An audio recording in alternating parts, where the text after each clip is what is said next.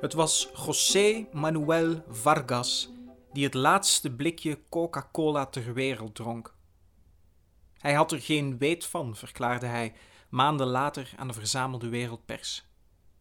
Met zijn gedrongen Spaanse vrouw stond hij voor een huisje in La Coruña en plukte wat aan de knopen van zijn linnen overhemd.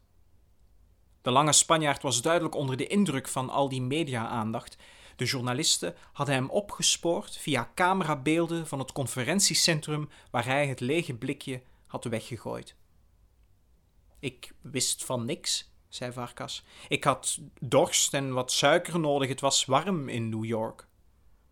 Of meneer spijt had dat hij het lege blikje niet had bijgehouden? Het zou nu veel geld waard zijn. De nuchtere Spanjaard lachte verlegen Hiervoor ben ik geen 53 geworden om nog geld te moeten verdienen met lege blikjes. Hierna bedankte Vargas de pers en riep hen op om hem en zijn familie nu te laten rusten. Het was een heftige tijd voor hen allemaal en ze hadden hun rust nodig. Het was een heftige tijd voor de hele wereld. Een half jaar eerder was de Coca-Cola Company failliet gegaan. Na maanden van speculatie over mogelijke overnames leek het voorbij. Er was simpelweg niemand in staat om zo'n gigantisch bedrijf over te nemen. We proberen, maar het lijkt too big to save. Al dus een ingewijde van het Zwitserse ministerie van Financiën. De Zwitsers hadden lange tijd interesse. Ze speelden met het idee om Coca-Cola te nationaliseren. Maar de 130.000 Zwitsers die nodig waren om het bedrijf te bemannen, waren gewoon niet voorhanden. Vier maanden eerder werd de Coca-Cola Company onder curatele geplaatst. Niemand had het zien aankomen, maar de curator was onverbiddelijk. De productielijnen werden stopgezet en de zoektocht naar overnemers was begonnen. Er ontstonden de meest bizarre situaties.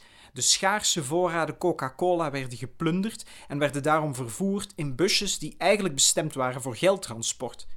Supermarkten verkochten maximaal 1 liter cola per persoon en dat van achter kogelvrij glas. In Afrika werden de vele oude Coca-Cola reclameborden massaal opgekocht door gewiekste zakenmannen. Het meest sardonische verhaal was dat van Gayendra Ansari, een Indiaanse wapenhandelaar.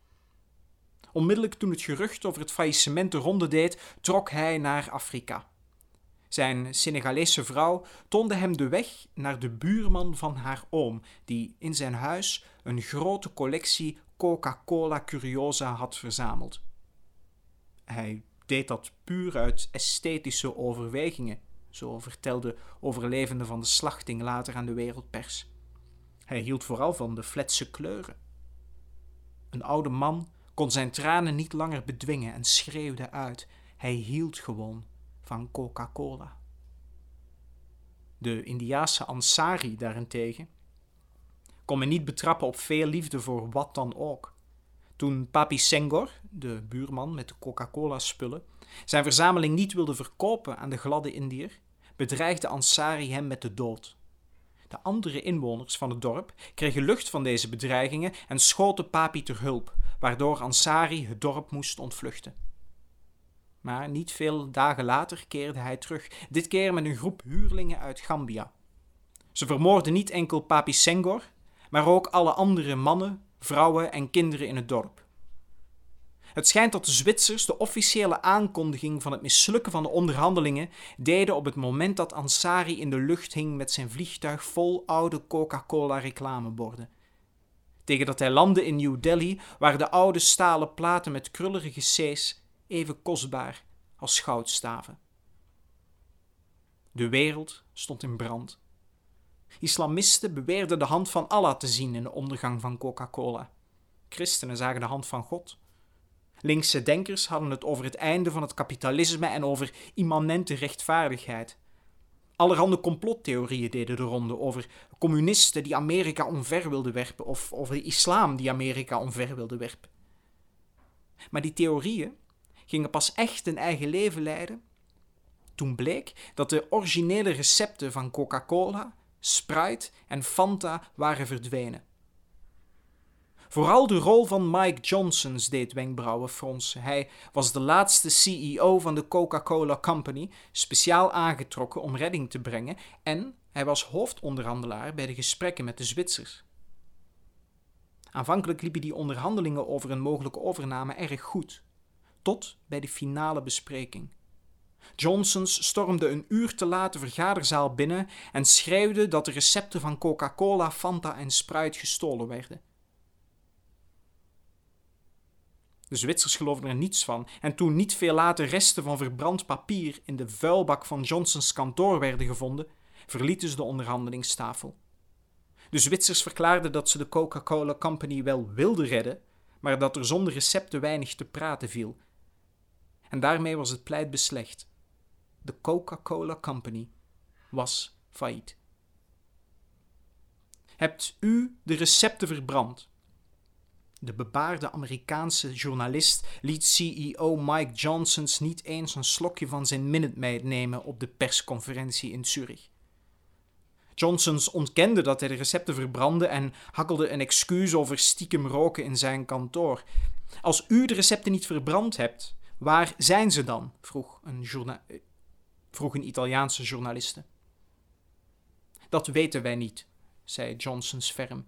Wij roepen de dief of dieven op om het recept terug te brengen, zodat wij de onderhandelingen weer kunnen opstarten en de wereld opnieuw van Coca-Cola, Fanta en Sprite kunnen voorzien. Toen was het hek helemaal van de dam. Overal werden er alternatieve brouwerijen uit de grond gestampt en gaf men boeken uit die het echte recept van Coca-Cola zouden bevatten.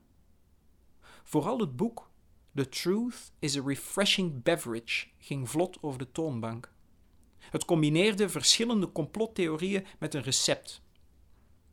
De schrijver, die altijd anoniem is weten te blijven, beweerde dat hij het recept in 2001 gestolen had uit de kluis van de Coca-Cola Company in Atlanta. Al snel bleek dat het boek een gevaarlijke leugen was. Binnen enkele weken liepen er meer dan tien klachten over vergiftigde kinderen binnen bij de uitgever, die het boek dan maar uit de handel nam. Stilaan raakten de wereldwijde voorraden Coca-Cola uitgeput. De prijzen van cola swingden de pan uit.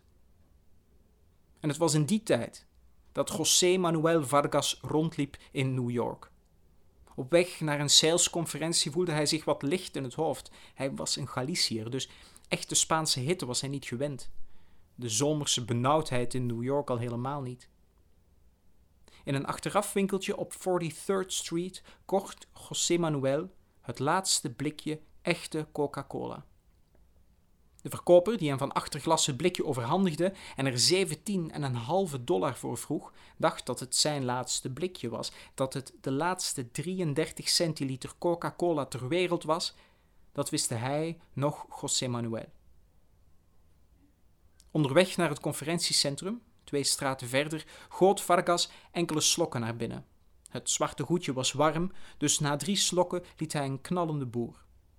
Hij excuseerde zich bij voorbijgangers en liep zonder verder te drinken naar het centrum.